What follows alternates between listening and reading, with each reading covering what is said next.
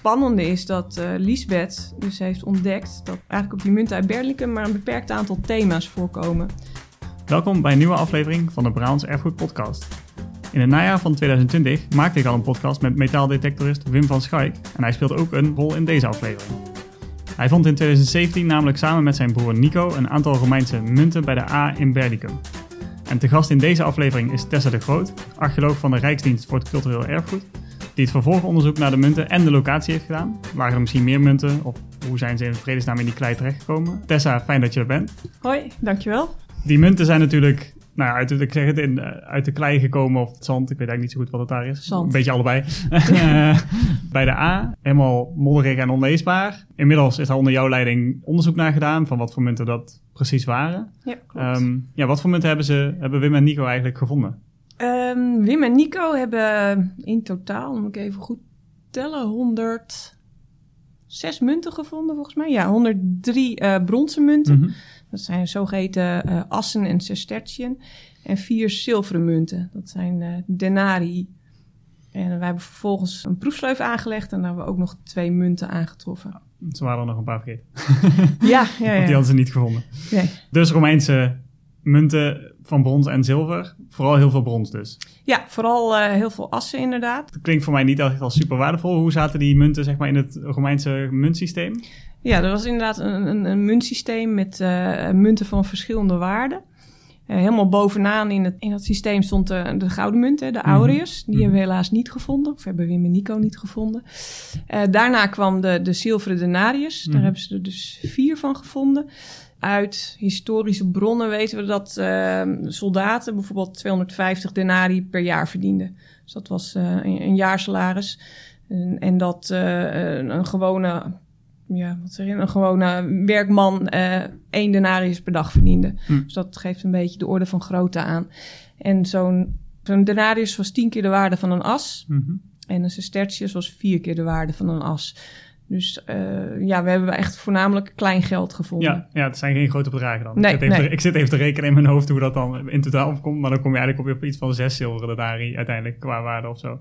Uh, even kijken, Grofweg. tien, hond, ja, het gedeeld, ja, iets meer. Ja, Ja, precies. Uh, Vooral klein geld. Vooral klein geld, ja. ja ze hebben niet uh, de, hun, hun grootste waarde weggegooid daar. Nee, dat is misschien meteen wel een goede aanleiding. Want hoe is het daar terechtgekomen? Is er een Romein, of zijn er Romeinen voorbij gewandeld die gewoon um, sestertie en assen uit hun broekzak hebben zien vallen? Of uit hun beurs zien vallen?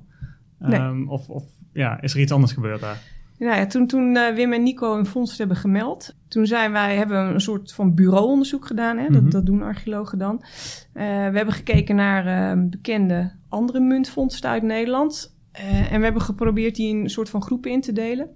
We hebben gekeken naar het aantal munten dat was gevonden, de datering, de samenstelling, uh, landschappelijke locatie, dat is Mhm. altijd belangrijk. Of ze met andere vondsten of sporen zijn gevonden. En op basis daarvan hebben we negen soort ja, van scenario's of, of modellen uh, opgesteld die kunnen verklaren waarom munten op een bepaalde plek gevonden zijn.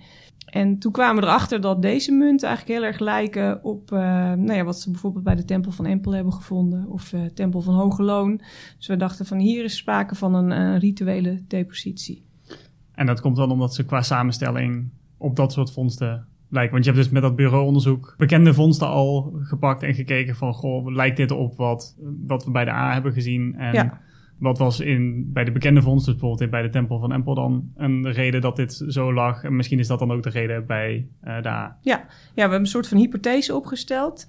En um, ja, vervolgens hebben we proefsleuvelonderzoek gedaan om, om die hypothese te testen. Mhm. We weten ook uit archeologisch onderzoek dat uh, water altijd al een hele uh, ja, belangrijke betekenis heeft gehad voor de, voor de mensen in de oudheid. Hè. Vanaf de bronstijd werd er al uh, geofferd in, in water, in moerassen. Denk aan wapens. Uh, ja, ik kan me herinneren dat die bijl van, uh, de bijl van Wim, om het even zo te zeggen, Ja. uh, ook in een natte ondergrond was gevonden. Ja. Ja, ja we, we, wisten van deze munten dat ze, dat ze in een natte context waren terechtgekomen, omdat ze in een hele dikke, ze hadden een hele dikke ijzerkorst. En dat wijst erop dus dat ze echt heel lang in, in, in een soort natte grond hebben gelegen. En uh, nou ja, we weten ook dat Romeinen bijvoorbeeld uh, rivieren aan bepaalde godheden koppelden. Dus die hadden ook inderdaad echt die... eh, nou ja, ze zagen water als iets, eh, als iets heiligs, als Mhm. iets eh, profaans. Je ziet vaak dat, eh, dat waar rivieren samenkomen, dat daar tempels eh, eh, zijn gebouwd. Ja, en wat, wat hier ook wel belangrijk was, was dat uit ons bureauonderzoek eh, is gebleken dat op deze plek het beekdal van de A heel Mhm. smal is. Dat is een, eigenlijk een ideale locatie om, eh, voor een beekovergang of een voorde. En we weten uit archeologisch onderzoek dat juist ook die voordes, dat je daar eh, ook bijzondere vondsten vaak doet. En de, de plekken waar mensen de, de rivier overgestoken zijn dus. En dat Ja. was daar dus kennelijk makkelijk omdat het maar een klein stukje was. Precies. Dus als jij ergens de- A over wilde in die tijd, dan, dan was dat een logische Mhm. locatie. En ehm, op historische kaarten hebben we ook gezien dat er in, eh, in de 19e eeuw daar ook echt een voorde aanwezig is geweest. Oh, wel. Dus ehm, met, een, met een beetje geluk was dat dan nog die... ja, Een soort van een traditionele voorde of zo van, uit de Romeinse tijd. Maar Ja, dat is natuurlijk nou moeilijk te zeggen. het zou, het zou dus heel goed kunnen dat op die plek in de Romeinse tijd ook al een voorde heeft gelegen. Dus ja, dat alles ehm, bracht ons een beetje tot de conclusie dat, dat er hier wel sprake zou kunnen zijn van zo'n rituele depositie. En dan gaat het erom dat er mensen die rivier over gingen steken, of die beek eigenlijk over gingen steken, want het is natuurlijk niet echt, het is niet de Maas, zeg maar. Ja, nee. Om een soort van veilige oversteek te hebben wat achterlieten, moet Ja. ik het zo zien? Ze- we zijn er in die proefsleuf achter gekomen dat die munten dus niet in de beek zelf terecht zijn Mhm. gekomen, maar in de oeverzone daarvan. Dus, hè, het was echt een, een heel drassig gebied Mhm. waarschijnlijk, wat, wat regelmatig overstroomde. Ja, we denken dus dat zij ehm, bijvoorbeeld als ze de beek gingen oversteken, dat ze even een schietgebedje deden. Naar, naar, een, loka naar een godheid. Mhm. En als ze dan veilig met hun kar en, en, en, en lading de, de beek over waren, dat ze dan eh, een muntje als dank. Oh eh, zo, echt als bedankje. eh, als bedankje. Dat, ja, we kennen natuurlijk die votiefstenen bijvoorbeeld bij tempels. Daar, eh, die zijn ook opgesteld door mensen die, eh, die eerst een gelofte hebben gedaan aan eh, de godheid. En eh, toen die was ingewilligd, hebben ze die altaarsteen opgericht.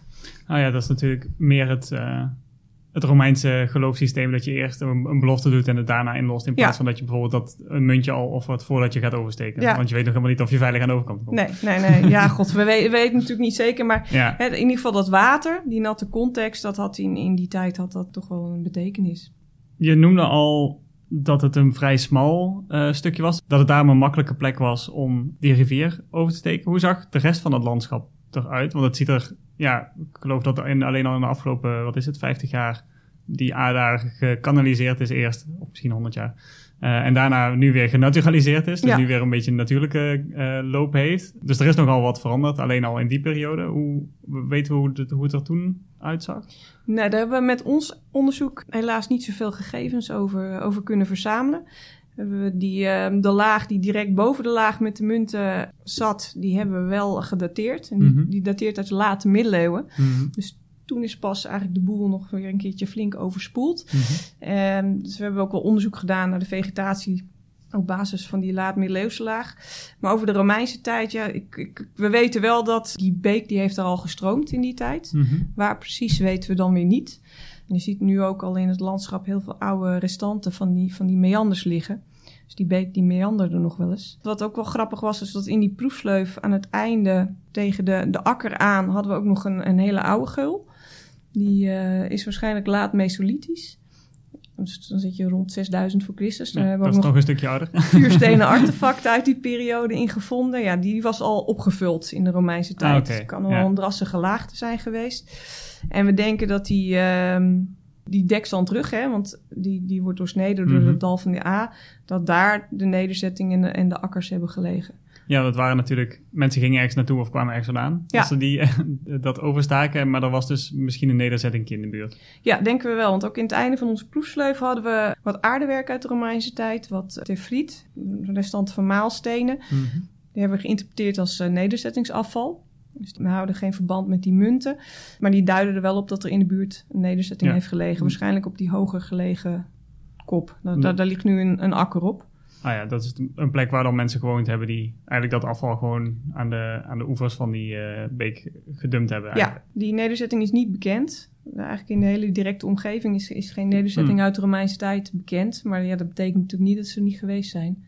Met name Nee, op die ja. akker zit een, zit een flink plaggedek. Dus dat, eh, dat verhult dan je, je archeologische sporen. Ja, het zou kunnen dat die er nog onder eh, ligt. Of dat er nog wat, wat sporen van onder, eh, onder die eh, akker liggen. Ja. Dat was dan een soort van pad naar grotere wegen, weten we daar iets van? Of? In de directe omgeving uh, zijn eigenlijk geen Romeinse nederzettingen en ook geen wegen bekend. Uh, maar als je een beetje gaat uitzoomen hè, naar de, Mhm. de grotere regio gaat kijken, dan uh, nou, dat zie je in het zuidwesten, daar ligt Halder natuurlijk, Mhm, hè, ja. het Romeinse pottenbakkerscentrum, er liggen de tumuli van Esch. Ga je meer naar het noordoosten, heb je Nistelrode, heb je Os. Dat waren uh, gebieden die echt heel uh, druk bevolkt zijn, dicht bevolkt zijn geweest in de Romeinse tijd. Dus ik verwacht wel dat er een netwerk van wegen heeft Ja. gelopen die die, uh, die nederzettingen met elkaar hebben verbonden. Over de hogere delen van het landschap. Alleen met wegen is het zo dat, dit zijn hè, secundaire wegen, dit zijn Mhm. niet de hoofdwegen. Die zijn archeologisch heel lastig aantoonbaar, omdat ze niet verhard waren. Je, er waren geen bermgreppels, dus je, je vindt ze heel lastig. Nou, het zijn meer paden dan wegen eigenlijk. Het zijn niet de, de nette wegen die we van de Via Appia of uit Asterix en Obelix kennen. Nee, nee, met- nee, met nee dat, dat zijn echt de hoofdwegen. Ja. Nee, dat, dat zijn ze niet geweest. Dus ja, die, die, eh, daar vind je eigenlijk bijna niks van terug. Maar je kan die nederzettingen natuurlijk gewoon, ja, als je daar ja. streepjes tussen trekt, hè, dat, dat zijn... En dan voeren zeker als je dan een beetje rekening houdt met waar natte en droge stukken waren, dan kom je al een- redelijk in de buurt van waar ongeveer paden of wegen we Ja, moeten hebben gelopen. precies, ja, natuurlijk. ja. Romeinse munten hebben, net als eigenlijk onze munten, of net bijna alle munten wel, eh, hebben afbeeldingen. Mhm. Ehm, wat voor afbeeldingen stonden erop? Ja, we hebben ehm, iemand eh, daarvoor eh, ingeschakeld. Mhm. een, een, iemand die eh, is gespecialiseerd in Romeinse munten. Dat is eh, dokter Lisbeth Klaas van de Universiteit van Leiden. En zij heeft alle munten bekeken. Eh, nou, ja, aan de ene kant staat natuurlijk altijd het, eh, het keizerportret. Hè? Ja. Zoals wij ook nog de koning hebben nu. ja, precies. De, de meeste munten zijn geslagen onder keizer Trajanus, maar er waren ook wat munten van zijn voorgangers, Domitianus, Vespasianus en van zijn opvolgers, Hadrianus, Marcus Aurelius, Antoninus Pius. En aan de keerzijde eh, staat meestal een boodschap. Hè? Mhm. En die Romeinse munten die kennen een enorme variatie in, in die boodschappen. Het spannende is dat eh Lisbeth dus heeft ontdekt dat eigenlijk op die munten uit Berlikum maar een beperkt aantal thema's voorkomen. Ze heeft er drie eh, onderscheiden. De meeste munten hebben een thema wat te maken heeft met het leger. Mhm. dus bijvoorbeeld de overwinning van het leger. Een tweede thema dat voorkomt is muntuitdelingen voor, voor het leger. En het derde thema hangt echt samen met die rituele praktijken. Dus dan zie je eh, priesteropjecten of een brandend altaar.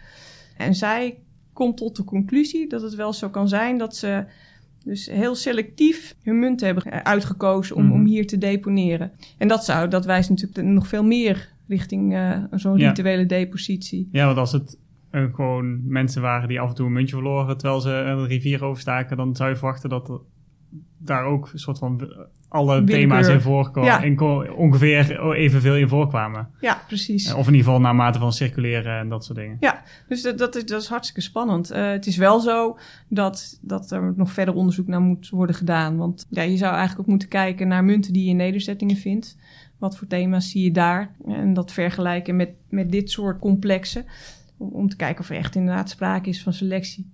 Maar we weten wel uit het buitenland. We hebben bijvoorbeeld eh, bepaalde heiligdommen. dat ze hele specifieke munttypen uitkozen. Om, eh, die een bepaalde relatie met een godheid hadden. om, om juist die te offeren. Dus het, het is heel goed mogelijk. Het is niet zomaar de muntjes die weg werden gegooid. Nee. Waarschijnlijk, maar echt eh, gekeken naar wat staat erop en wat eigenlijk past er in deze context. Of wat vinden ze passend voor die godheid of Ja. voor die rivier of ja, wat dan ook. Ja. Je noemde twee van die drie thema's. Eentje was dan het religieus en die andere twee waren meer militair gericht. Hè? Ja, klopt. Is daar nog iets van te zeggen? Is, betekent dat dat er dan militair in de buurt waren of juist helemaal niet? Ja, of dat het een militaire godheid was, nee, dat, Ja, dat, dat, ja. we- dat weten we eigenlijk niet zo goed. Nee, ja, Lisbeth die ehm, suggereert nog wel dat er misschien wel een verband bestaat met, ehm, met, met de, de gewoonte die al eerder bestond hè, om wapens Hmm. eh, te ja. offeren. Dus dat het, eh, dat het een soort voortzetting is van, eh, van een bepaalde traditie, krijgstraditie, in dan, maar dan in een andere vorm. Ja, Ja. dat zou kunnen. Maar ook daar, ja, daar moeten we dus nog meer onderzoek naar Ja, doen. we, eh. we kunnen ze niet vragen helaas. Nee, nee, nee.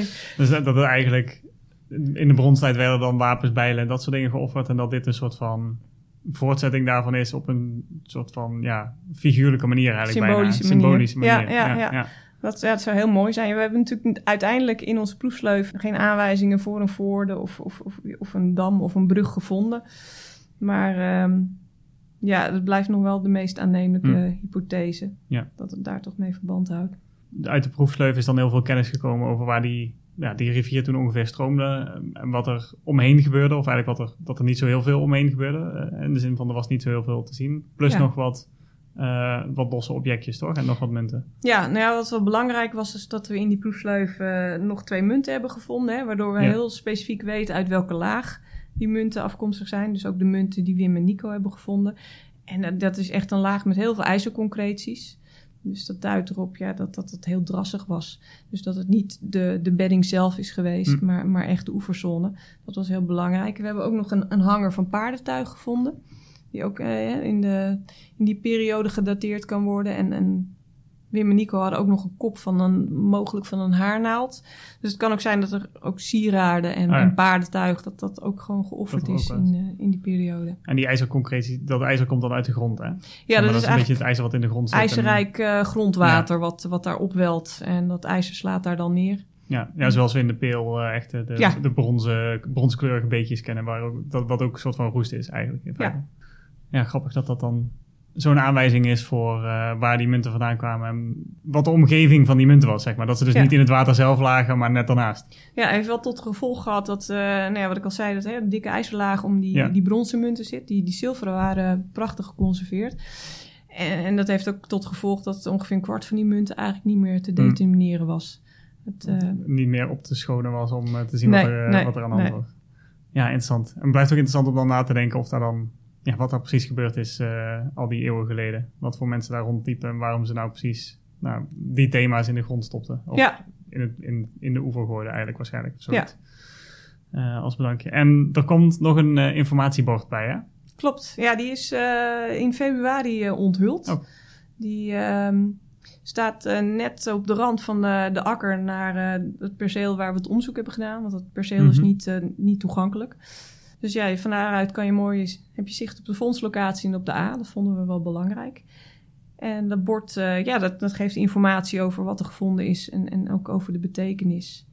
En ehm, er, zijn, er zijn daar een hoop wandelaars in dat gebied. Dus Dan ik, kunnen de wandelaars die het bord lezen dan en informatie krijgen over zeg maar, wat er daar gebeurde in de Romeinse tijd. En misschien zelf ook een beetje doorfantaseren over waarom die muntjes daar precies liggen. Ja, dat zou, dat zou heel leuk zijn. Ja, Misschien hele nieuwe hypothesen die daar eh, uitkomen. ah ja vast wel. Nou ja, mensen inspireren, iets, iets Ja. vertellen over het, over het verleden. Want je, je ziet het natuurlijk je ziet het niet. Nee, exact. Ja, dan, het is een voordeel, dus die heb je nooit echt gezien. En, maar het is wel duidelijk een plek waar ooit iets gebeurd is. Waar we nu iets vanaf weten. En waar dan, ja, wat mooi is, omdat er in het heden nog een soort van te, ja, herdenken of eh, ja. Ja. te vertellen wat er in bijna de achtertuin van mensen in Berlicum gebeurd is, zeg maar. Ja, ja. Of in de buurt van Berlicum. ja en Wim en Nico staan ook eh, prominent op het bord. Die hebben het ook onthuld. En dat, eh, dat is wel heel leuk. Ja, Ja. mooi. Nou, voor mensen die die aflevering nog terug willen luisteren, die moeten even op browserver.nl slash podcast kijken. Dan vind je de aflevering met Nico over zijn, de bronzen bijl die hij gevonden heeft. Dat is volgens mij wel een getalenteerde metaaldetector of zo. Ja, ja absoluut. Ja. En eh, nou ja, jij, jij heel erg bedankt voor de uitleg over de munten. Graag gedaan. Eh, dankjewel voor je tijd. Achtergronden bij deze aflevering vind je op de afleveringspagina op brabantserfgoed.nl slash podcast. Daar vind je ook alle andere afleveringen van de Brabantse Erfgoed podcast, net als op je favoriete podcastplatform. Vergeet ons daar dus niet toe te voegen en je krijgt de volgende aflevering vanzelf in je feed. En als je deze podcast nu de moeite waard vindt, laat dan meteen even een review achter. Wil je op de hoogte blijven van al het nieuws dat op brabantserfgoed.nl verschijnt? Abonneer je dan op onze nieuwsbrief via brabantserfgoed.nl slash nieuwsbrief.